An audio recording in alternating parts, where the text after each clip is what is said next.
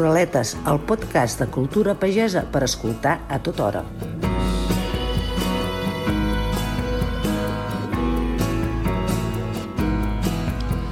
i amb la magnífica veu de la Rosa Centelles, d'aquesta pagesa de Prats de Rei que, que ens va fer doncs, les veus promocionals d'aquest espai Ruraletes i també d'altres. Uh, Situem-nos en un indret meravellós. Som al Delta de l'Ebre. Imagineu-vos el Delta de l'Ebre a principis del segle XX, aquest paisatge que era salvatge i que es va anar humanitzant. Era un paisatge ben diferent al d'ara, sobretot per un fet. Hi havia, pel cap baix, un miler de barraques. Ara, amb prou feines, en trobem 50. Avui volem posar en valor aquest patrimoni arquitectònic fet pel poble. En un dels primers capítols d'aquest podcast justament parlàvem del reconeixement per part de la UNESCO de les cabanes de volta, de fet de la pedra seca com a patrimoni mundial. Doncs avui volem fer campanya per les barraques del Delta de l'Ebre que descobrirem que són construccions totalment contemporànies, sostenibles i de quilòmetre zero. I per parlar-ne doncs, tenim l'imprescindible Salvador Gómez, que ens ha vingut expressament de Deltebre. Salvador, benvingut. Gràcies. El Salvador actualment és l'únic mestre barraquer reconegut així per Artesania de Catalunya i ell ho té molt clar estem parlant de les edificacions més antigues i singulars. Em vas dir que eren edificacions que tenien més de 4.000 anys. Sí, hi ha vestigis, alguns del, des del Mediterrani, el Danubi, el Danubi o el, la Camarga, que hi ha vestigis de fa més de 4.000 anys. De fet, els primers pobladors sempre se situaven a les desembocadures dels rius, que hi havia aigua, havia nous, havia peix, havia menjar, i com se feien les cases? Pues, en el que trobaven, en troncs, fustes, palla, el que trobaven. Després, quan va començar a arribar gent estranya pel mar, que no sempre venien en bones intencions, ja se'n van anar detrás dels turons a les muntanyes, eh, tots els poblats ibers que tenim, que des d'allí es veien vindre i tenien temps d'amagar-se o de, de defensar-se. Doncs avui fem un homenatge a les barraques del Delta de l'Ebre. Ruraletes, amb Txell Bonet.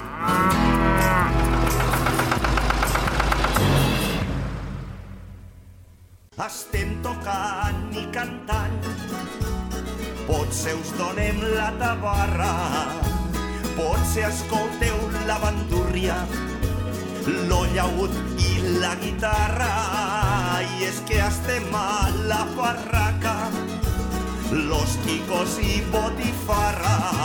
Eres perdiueta i eres perdiueta que vingues si voles. Això d'eres perdiueta és com un piropo? Ets espavilada? Sí, és un piropo valencià.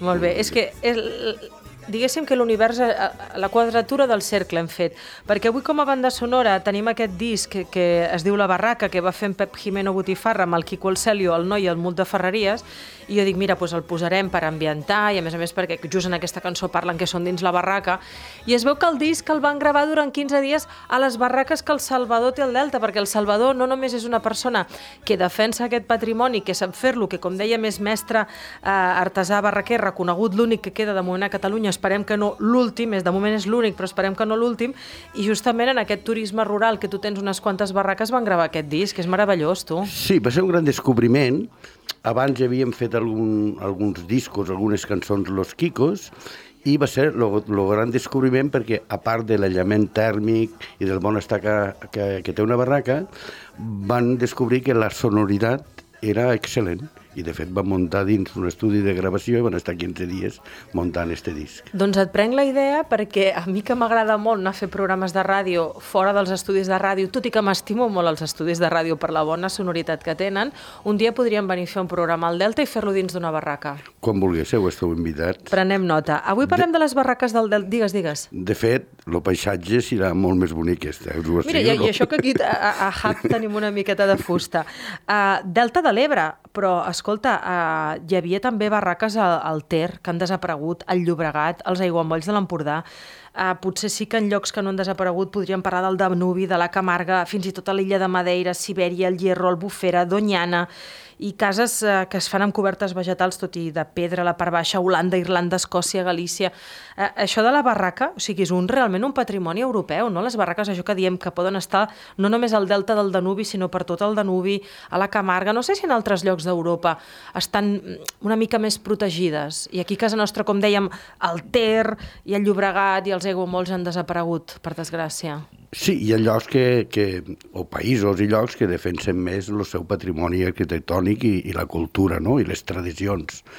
Tu vas a la Camarga francesa i, i hi ha hotels que són de barraques, ho tenen inclús els nichos dels cementaris en barraques, vull dir, eh, aquí desgraciadament pues, no prenem massa massa interès en defensar el nostre patrimoni, desgraciadament. Però vaja, quan un veu aquesta imatge d'aquestes cases precioses blanques, no?, fetes de fang i canya o palla, no?, eh, la part... Sí, és, és, és, la imatge és molt bonica i a més a més està adaptada al, al medi no? i construïda en, en tot el que és eh, productes naturals. Perquè parlem, no? La, la, diguéssim que la, la part dels murs seria fang i palla i després eh, a la part de dalt està feta amb borró, que també hi ha unes que es fan amb espartina marítima, però tu sobretot ho fas amb borró. Parlem de què és el borró, de com de resistent és, de que tu fins i tot en tens plantacions. Sí, a veure, l'estructura és de fusta, les parets i el techo de canyes i reposat en fang i palla. I la teulada és de borró. El borró és una planta que surt a les dunes de la mar i creix en aigua salada. Per tant, és la planta més resistent que hi ha.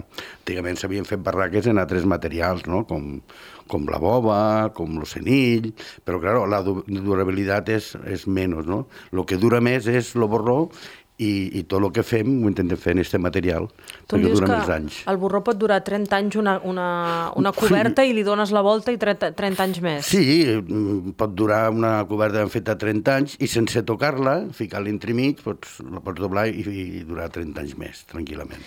I parlem del, del borró. Ara, eh, en els parcs naturals s'hi creix, com per exemple el Bufera, el borró no es pot agafar, llavors tu has decidit tenir el teu propi borró per fer les teves barraques? Bueno, és, passa que, que com van fer parcs naturals, l'Albufera València, Delta de l'Ebre, Donyana... En un parc natural no es pot agafar cap planta ni cap animal. Per tant, tot el material que nosaltres teníem, que podíem agafar, ens quedem sense, sense el material. De fet, gent que feia sombrilles en borró o porxos va tindre que anar-se'n al, al brezo, al, al, al bru, al vímet, a altres materials. Llavors, el David Montllau pues van tindre que agafar i plantar borró fora de l'àmbit del parc, no? dins del que és el delta, aprendre a, a cultivar-lo i tenim el nostre propi borró, dos hectàrees, per a poder seguir treballant i puguem fer les barraques.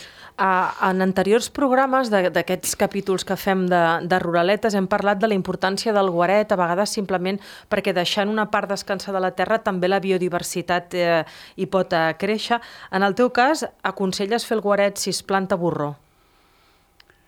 Bueno, lo, sí, sí eh, lo que passa que lo, lo borró és una planta que és molt específica per a això, eh? no serveix per a res més, només que... Però em refereixo planta... que tu d'aquestes dues hectàrees, un any talles una, deixes créixer l'altra... No, no, no, no, o sigui, lo, lo, lo borró és igual com les canyes, lo talles i ell creix. El que passa que per a que tingui la suficientment resistència necessita que tingui dos anys.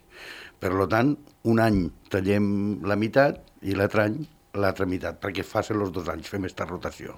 Doncs atents als pagesos amateurs que es volen posar en el món, perquè no només us aconsellem fer el guaret amb el burro, sinó que ara desplega el seu coneixement ancestral en Salvador Gómez, tallar les canyes. Quan s'han de tallar les canyes i per què és tan important fer-ho en el moment que toca i amb la lluna que toca?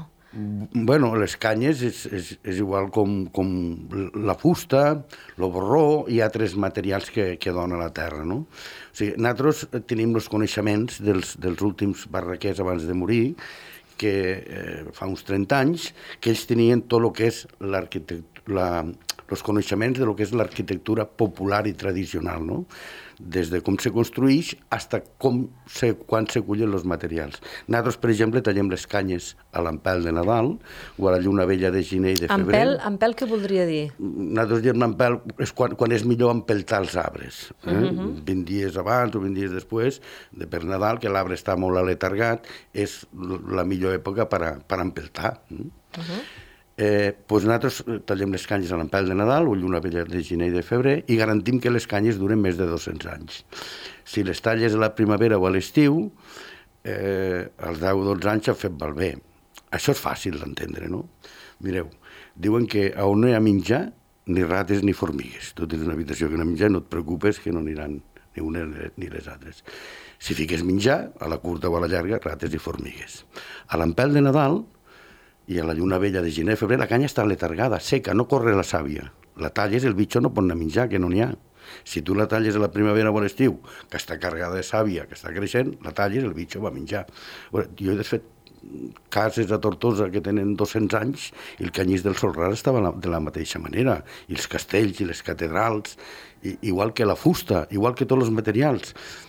Eh, llavors, totes aquestes tècniques de, de, de la construcció popular tradicional de fa mil anys són les que tenim nosaltres i les que seguim posant en pràctica. I em sembla que fas servir un cordell d'espar que fan artesanalment a Múrcia. Què vol dir un cordell d'espar? La, la corda és molt gruixut sí. o per anar-les eh, lligant? A veure, per lligar el borró a les canyes, perquè eh, allí no, no, no hi ha plàstics ni hi ha cap tipus de, de material, només que tot, tot vianda natural. Eh, l'estructura és de fusta, les parets i el techo de canyes, i llavors el borró el lliguem en canyes, en cordell d'espart bullit, que encara el fan de la forma artesanal a la zona de Múrcia i Almeria. I te'l fas portar expressament, eh? Clar. Perquè eh, ara, clar, la gent ens deu estar escoltant, diu, home, jo potser una barraca no me la, no me la faré, potser anar a passar uns dies doncs, en aquestes barraques de turisme rural sí que m'interessa per gravar un nou disc, per fer un nou programa de ràdio, per fer unes vacancetes, però clar, eh, es poden fer moltes coses amb aquest borró, es poden fer ombrel·les, es poden fer porxos sí. de restaurants... De fet, de fet, al hi haurà tantes restriccions ara en, en urbanisme per a construir a les zones rurals, a les zones agrícoles, pues, ens han tingut que reciclar i recuperar altra vegada pues, fer les sombrilles, fer porxos, fer rafals, tot en, en, en lo borró. I és una ombra fresca? Sí, penseu que eh, en això del canvi climàtic, que ja el tenim aquí, eh, ja el tenim aquí, cada vegada serà més important les ombres, no? eh, però baix d'un toldo fa resol, baix de la xapa calor, baix de l'orita també, però poses baix d'un arbre, baix d'un xop, baix d'una figuera, eh, quina sombra. El borró fa la mateixa sombra, que està una sombra molt, molt fresca que, que, que a l'estiu s'agraeix. I recordem que eh, com que estem parlant d'unes construccions que deia jo que acaben sent contemporànies perquè són sostenibles, es fan amb el que tenim a l'abast, és de quilòmetre zero, però que són un bon aïllament sonor, perquè el disc aquest que avui anirem escoltant es va gravar allà dins, però també a l'hivern ens donen escalfor i a l'estiu ens donen frescor? Sí, el que, lo que m'ha de pres és que és molt important l'orientació. Nosaltres sempre orientem les barraques de, de cul als vents freds del nord i de cara a les brises i de cara a les brises de, de l'estiu. Llavors són raceroses a l'hivern i fresques a l'estiu. Ja aguanten terratrèmols.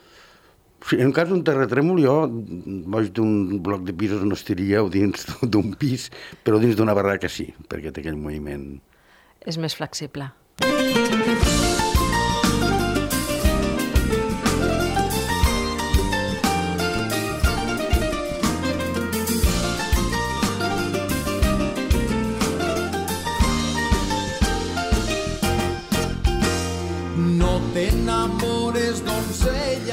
Doncs eh, amb aquesta música rebem al programa a la Carme Caral. Carme, benvinguda. Gràcies, bon dia a tothom. Mira, la Carme és conservadora d'etnologia al Museu de les Terres de l'Ebre, que em sembla, Carme, que és un museu que té un parell de seus. Tu ara mateix crec que estàs en posta, però també els oients potser que els convidaríem a anar a Sant Jaume d'Enveja, on hi ha aquest centre d'interpretació de les barraques del Delta de l'Ebre. Què, què trobem a cadascun dels dos museus?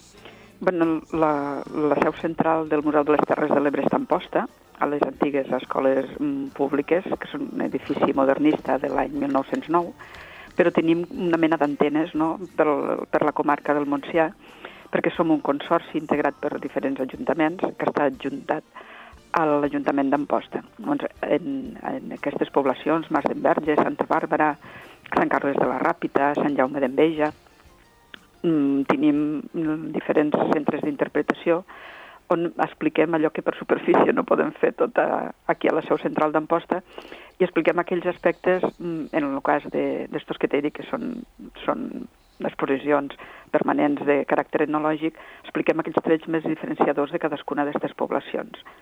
En el cas de mm, Santa Bàrbara seria el cultiu de l'olivera i la colonització de les planes, que estan mm, a tocar de, dels ports, i en el cas de Sant Jaume de Meja, que és el que avui ens interessa, és pues, bueno, la vida tradicional al Delta de l'Ebre i l'hàbitat mm, més identificatiu i identitari, que són les barraques tradicionals. I per què val la pena venir-ho a veure?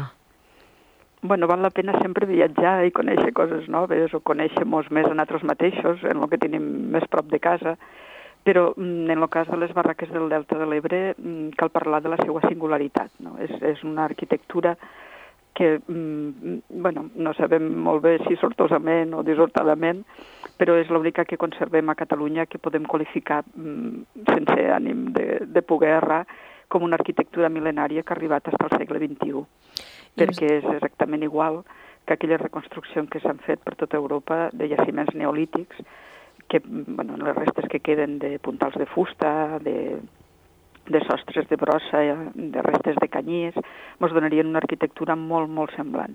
De fet, és que és tan senzilla la seva estructura i la seva, els seus materials, com, com ara comentàveu, que no, no és possible que evolucione. No? És una arquitectura que o bé s'hagués perdut o bé mm, s'hagués mantingut en la seva tipologia. Com deia un cineasta alemany, en Murnau deia que el veritable art és senzill, però la senzillesa demana de, de molt art. Eh, hi ha tot un material etnològic que, que, que, que acompanya aquestes barraques que es poden veure aquest centre d'interpretació de les barraques del Delta de l'Ebre a Sant Jaume d'Enveja, que no són reproduccions, no? són peces de veritat. Sí, de fet el centre d'interpretació que és un projecte que vam tirar endavant entre l'Ajuntament de Sant Jaume d'Enveja, el Museu de les Terres de l'Ebre i el Parc Natural del Delta de l'Ebre. El primer que vam fer va ser una exposició permanent on t'explicar doncs, bueno, quin és l'origen històric d'aquestes barraques, quines notícies i documents en tenim per acreditar aquesta antiguitat, i també doncs, bueno, com, com és l'ofici de, dels barraquers, no? dels que durant generacions i bueno, segles han estat construint barraques, qui les habitava, i una mica pues, bueno, mm, que se conegui de prop els materials no? estos tan bàsics en los que, en los que es construïen. Carme, tinc el, aquí... A partir del 2005 el que vam sí? poder fer és reconstruir una barraca tradicional que és bueno, feta a escala natural d'una barraca habitada per una família de les que pues, a principis del segle XX o finals del segle XIX, principis del segle XX, colonitzaven, és a dir, traien terres salvatges per posar-les en cultiu mm, per fer arròs. Tinc aquí al meu costat, que crec que el coneixes, en Salvador Gómez. Sí, tant. Que... Salvador, bon dia. Bon dia, Carme, bon que, dia. Que hem de posar en valor que de moment és uh, l'únic artesà que ens queda mestre barraquer i esperem que això no es perdi. Bueno, des del museu, igual que en el cas de Salvador, portem molts anys lluitant pel reconeixement tant de l'ofici com del patrimoni. De fet, eh, el repertori d'oficis artesanals que, de Catalunya contempla l'ofici de barraquer i l'acreditació de mestre barraquer que dona la Generalitat de Catalunya. I el que són les tècniques i el de construcció i tot això eh, són un dels 100 elements que formen part avui en dia ja de l'inventari del patrimoni cultural immaterial de les Terres de l'Ebre, i és, mm, bueno, dins de la categoria d'activitats econòmiques. Per tant, sí que hem pogut avançar en aquest reconeixement patrimonial. He fet això que tu comentaves ara fa un moment, Txell, de que podem veure eh, i mm, com se vivia també en estris i en, en patrimoni etnològic, la barraca l'han pogut vestir per dins en les poques coses, eh, materials que, que tenien, aquesta gent que van que van estar fent este delta humanitzat que, que ha arribat als nostres dies, eren poques pertenences materials, però bueno, mm, veïns de, de Sant Jaume d'Enveja han donat aquelles coses que, que encara conservaven i mm, per dins se pot eh, veure mm, com esta gent, pues, bueno, com cuinaven, eh, com dormien en màrfegues i en coses també bastant senzilles, com tenien a vegades també inclús l'animal dins la barraca, tant si passaven eh, algunes estones mm, vinculades pues, a la pesca o al cultiu de l'arròs o el que sigui per saber només temporades, com si vivien permanentment. Uh, una cosa que em sembla que ens agermana els tres, el Salvador, a tu i, i a mi, jo com a entusiasta, vosaltres perquè ho viviu des de dins, és el fet de, de voler dignificar aquestes barraques i sobretot que tinguin un estatus, com dèiem ara en els vostres comentaris, de, de reconeixement. Em sembla, si no m'equivoco, que l'any 2009 la Generalitat va fer un catàleg de masies i cases rurals i que es catalogaven edificis que tenien diferents usos, sigui per raons ambientals, arquitectòniques, històriques, socials o paisatgístiques, i que malauradament la nomenclatura de barraca no sortia i, i potser, clar, moltes vegades allò, un senyor que està en un despatx d'una gran ciutat està fent un catàleg d'una cosa sense haver baixat al territori.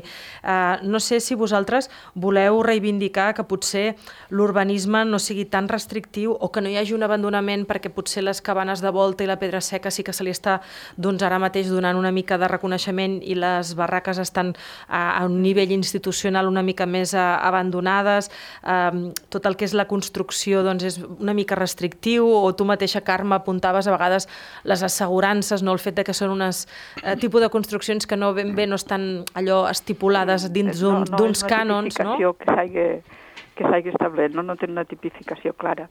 I moltes vegades també en el patrimoni cultural, i sobretot en el patrimoni cultural més popular, el que passa també és que mm, se mira des de molts angles i des de moltes disciplines, i a vegades costa posar aquesta mirada en aquelles coses menys conegudes, no?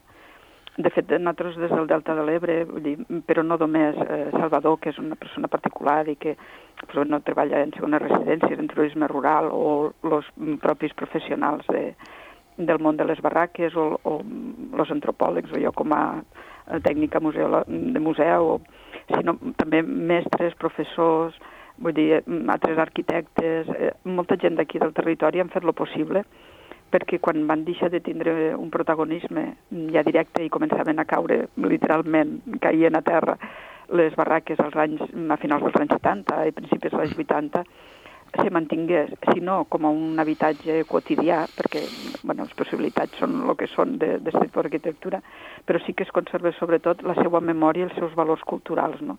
Perquè detrás de les barraques estan totes les formes de vida, mm, doncs, bueno, des de que tenim documentat a, a l'edat mitjana, que han passat pel delta. No? En barraques han viscut generacions de pescadors, generacions de peons a les salines, generacions de pagesos, generacions de gent que anava a fer mm, sosa per a fer vidre, de gent que anava a buscar sangoneres que s'utilitzaven en àmbit sanitari, mm, gent que anava a fer canyes, gent que anava a buscar diferents elements eh, al delta i que mm, d'una manera o altra doncs, bueno, no hi havia altra manera perquè pedra no n'hi ha al delta, no hi ha altre tipus de, de material, però que sí que hi ha molts vegetals, molt de, molta terra i molt de fang i molta aigua. I per tant mm, era molt fàcil que poguessin pegar mà sense que fessin una despesa econòmica a, a una arquitectura que és relativament senzilla.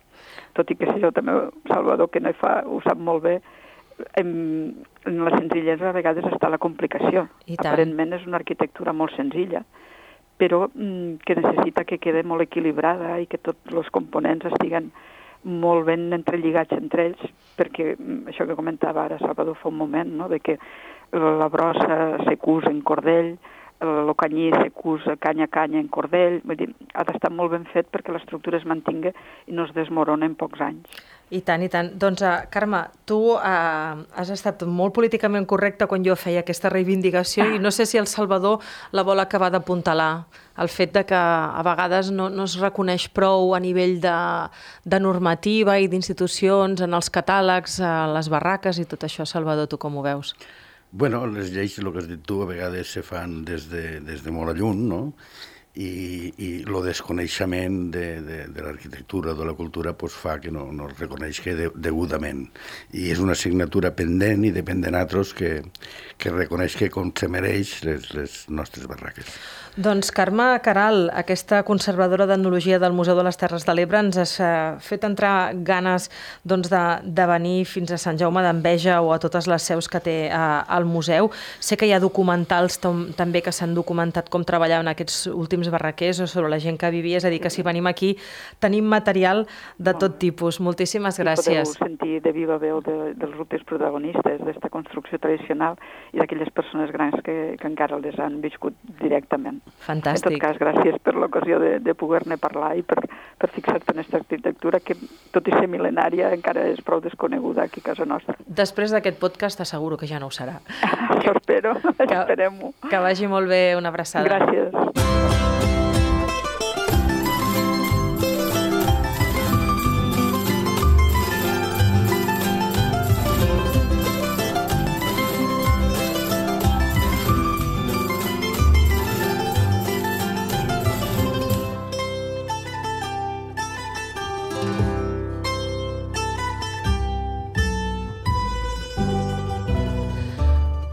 Amb una mirada contemporània de les barraques, em sembla que he arribat a sentir que a vegades n'hi ha algunes que ja tenen plaques solars, també, no? És a dir, que, que poden estar molt adaptades als temps contemporanis.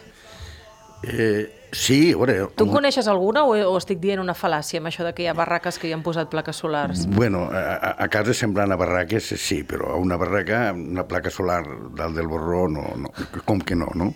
Se pot ficar al terreno del costat o molt a prop. T'ha fet mal als ulls, eh? T'ha fet mal als Sí, ulls. Jo ja- volia passar per cosa contemporània No, i tu ja que- ets dels ja- puristes. Hi ha coses que no. Però, Salvador, tu realment ets una persona que, si jo t'ensenyés fotos de barraques, sabries saber d'on són? És a dir, les barraques del Delta de la Camarga són diferents de les de València o les del Delta de l'Ebre? Sí, a cada lloc tenen la seva arquitectura popular diferenciada, no? Pel, pel, pel temps que fa, no? per, per moltes coses. Per exemple, la Camarga francesa eh, tenen molt poc borró i la teulada la fan en cenill. I el cul és redó, perquè li fa molt de vent, i així, al fer el cul redó, pues, Com un absis de- d'església, una mica? Sí, sí, sí, el mateix. I, i, i de cul a vent i llavors talla més el vent. A, a València, que el clima és molt més benigne, són molt més altes. Al Delta de l'Ebre, que, que també fa bastant de vent, no són tan altes, una mica més xates que allà.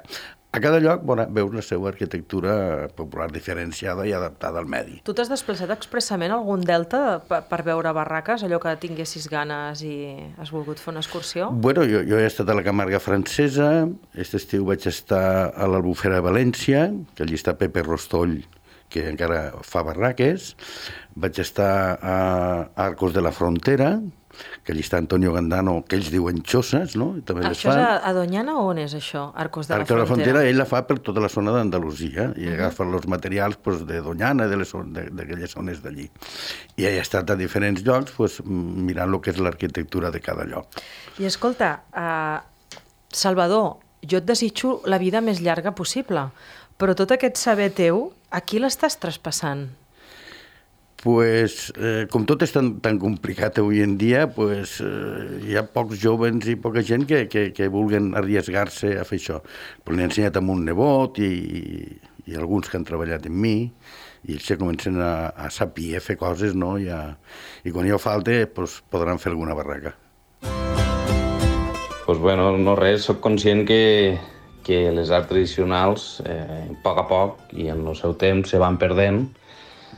Però bueno, en este cas jo tinc la sort de, tenir a, Salvador, el meu tio, que és un mestre barraquer.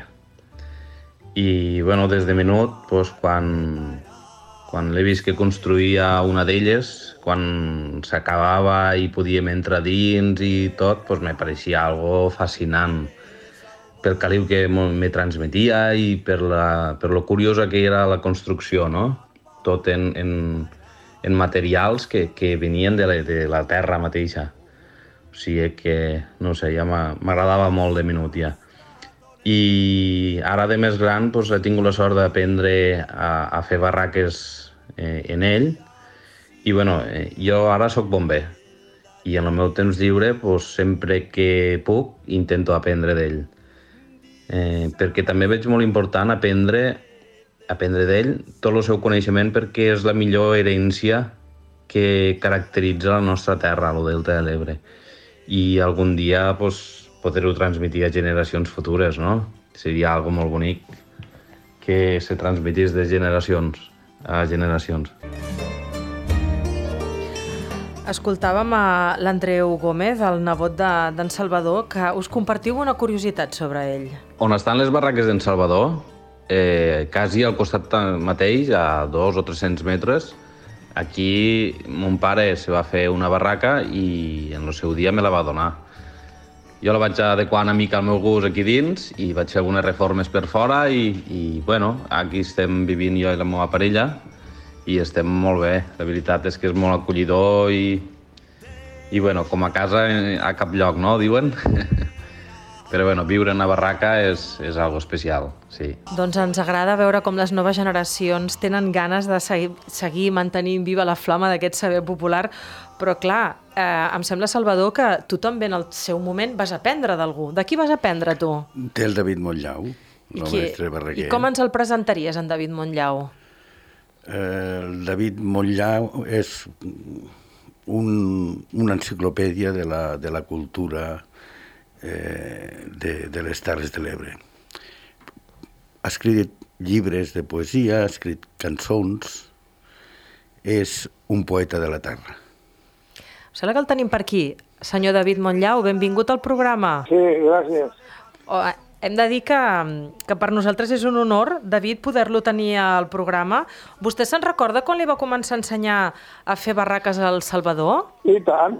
Va ser l'any 94. I va estar content d'una mica que hi hagués aquest... Mira, eh, l'he de dir que en Salvador està aquí amb llàgrimes als ulls perquè estem emocionats de que una persona ja tan gran com vostè estigui entrant aquí en directe uh, al programa. Se n'en recorda una mica vostè d'aquell moment en què era un dels últims mestres barraquers i vostè va poder passar el coneixement a algú altre? Com d'important era tot això? I tant que sí. Expliqui'm, expliqui'm. Va ser l'any 94 que em va vindre a visitar i la seva dona, que volia fer una barraca, i bueno, li vaig dir que sí. Per què era per allí, vostè? Sí, digui, digui. A la seva barraca, que és la primera que vam fer, doncs allí va aprendre. Per què era per vostè tan important recuperar les barraques? Abans de que vingués El Salvador l'any 94, em pues sembla bueno, que vostè als 80... Sí.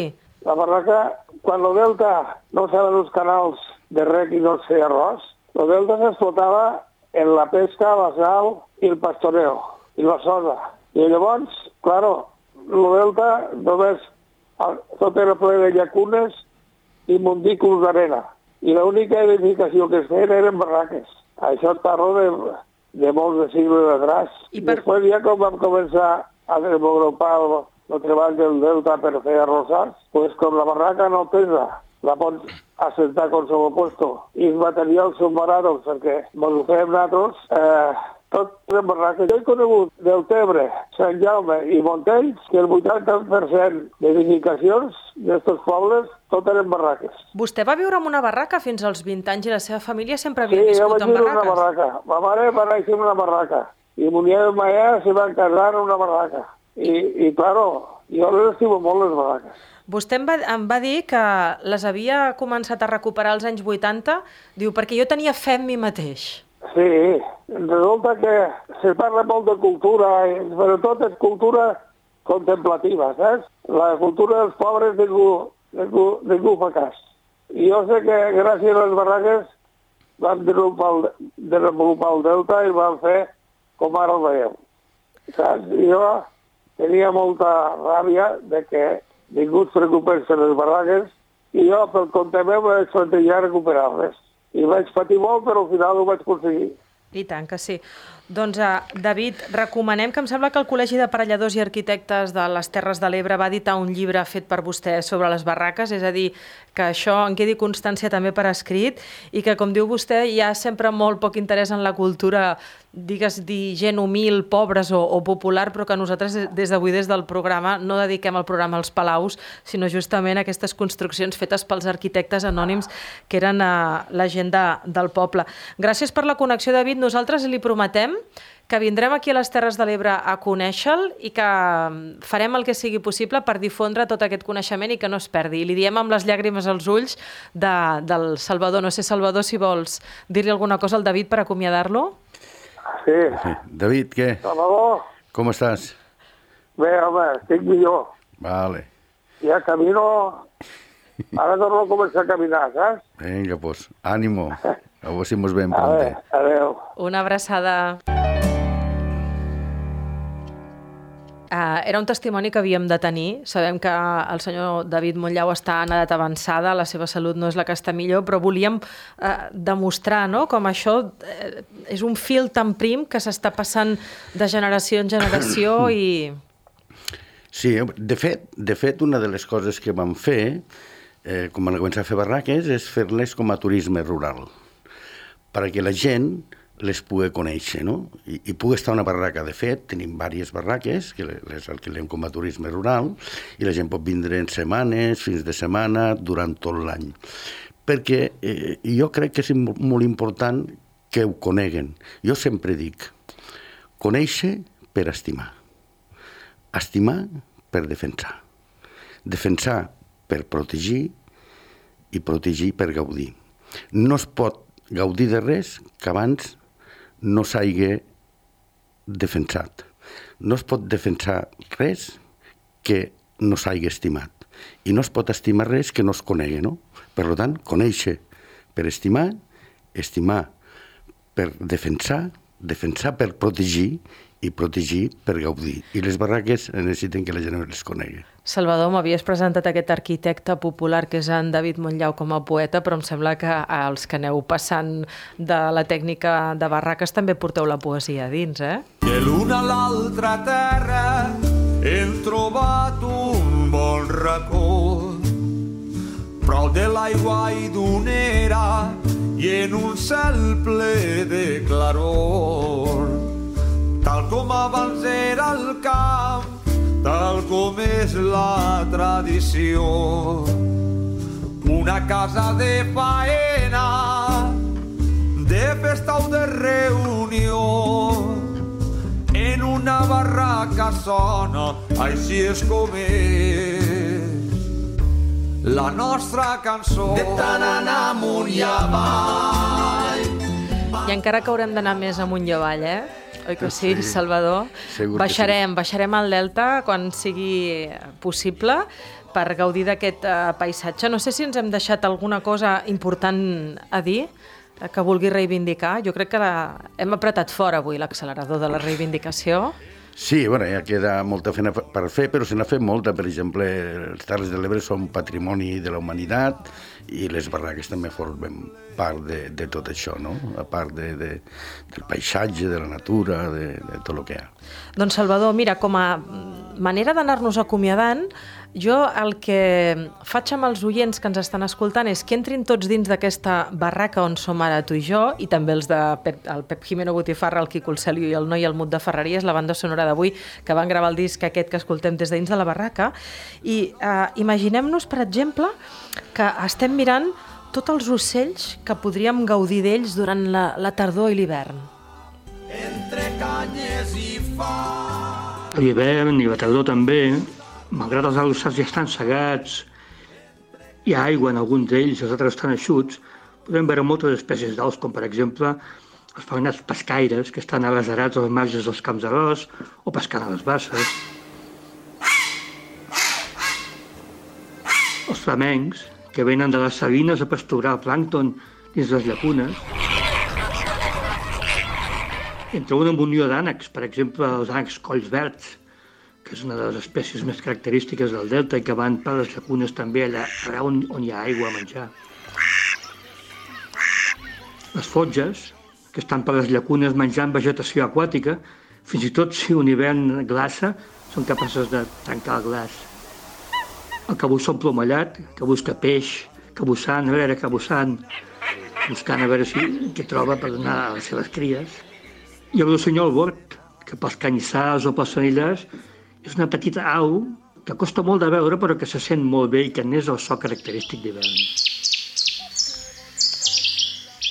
Meravellós, eh? aquest eh, so del rossinyol eh, bor. Estem fent un retrat sonor amb el biòleg Ignasi Ripoll, qui durant 10 anys, fins al 2015, va ser el responsable de SEO BirdLife eh, aquí al territori del Delta de l'Ebre. I si us sembla ara, ens, després d'haver escoltat aquestes aus de tardor i d'hivern, passem a les de primavera-estiu, fem la nostra desfilada pròpia.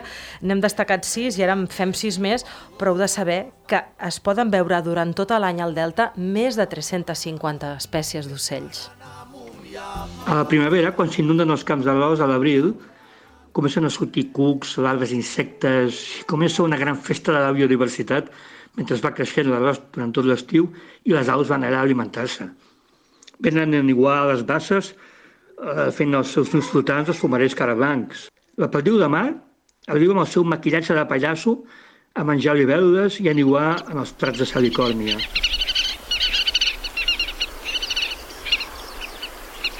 També ve la, la gavina corsa. Ve menjar crancs americans pels camps d'arròs i va aniuar a la punta de la banya.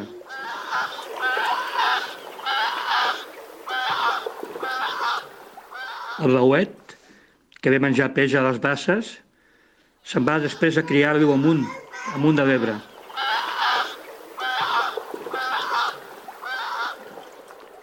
El bitó és una preciosa que costa molt de veure, en, en niuen molt poquetes en el delta, però tenen un, un so molt característic. Espectacular. I el balquer, que és una petita au que substitueix a l'ocenyol bord dintre els, els sanillars, cantant i criant per tots els canyars, i que n'és el so característic de primavera i d'estiu.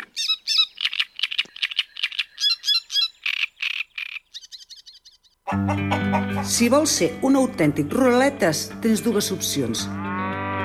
Ens escoltes o et fas pagesa com jo.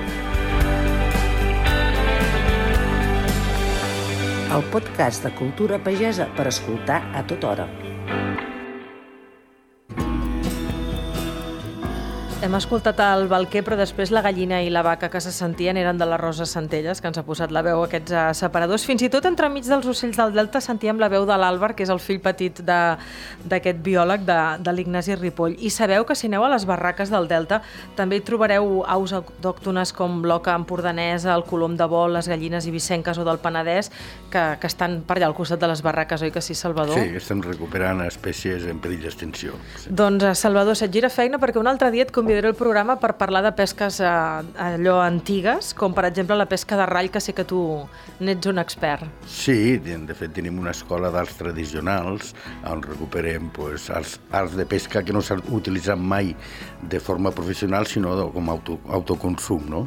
com lo gamber, l'emborinada, eh, lo gànguil, lo ventrol, Eh? Quant de vocabulari hem d'aprendre perquè hem d'aprendre totes aquestes uh, realitats? Diuen que, que al Japó en els mestres artesans els hi diuen tresors vivents i jo em sembla que avui amb en David Montllau i amb el, amb el testimoni que li passa al Salvador Gómez tenim aquestes coses. Uh, les volia posar en valor. Gràcies per haver vingut avui expressament des del Deltebre aquí al nostre programa. També gràcies al David Penedès per tota l'ambientació sonora i musical, per estar al control tècnic del directe, a la gent de Mishima per aquesta sintonia que sentim i com dèiem, doncs, a Pep Jimeno Botifarra i el Quico, el Celio, el Noi i el Mut de Ferreries per ser la banda sonora d'avui gravada dins d'una barraca. Això és Ruraletes i ja ho sabeu, podeu anar a buscar tots els nostres episodis a arrels.info. Ens veiem aviat!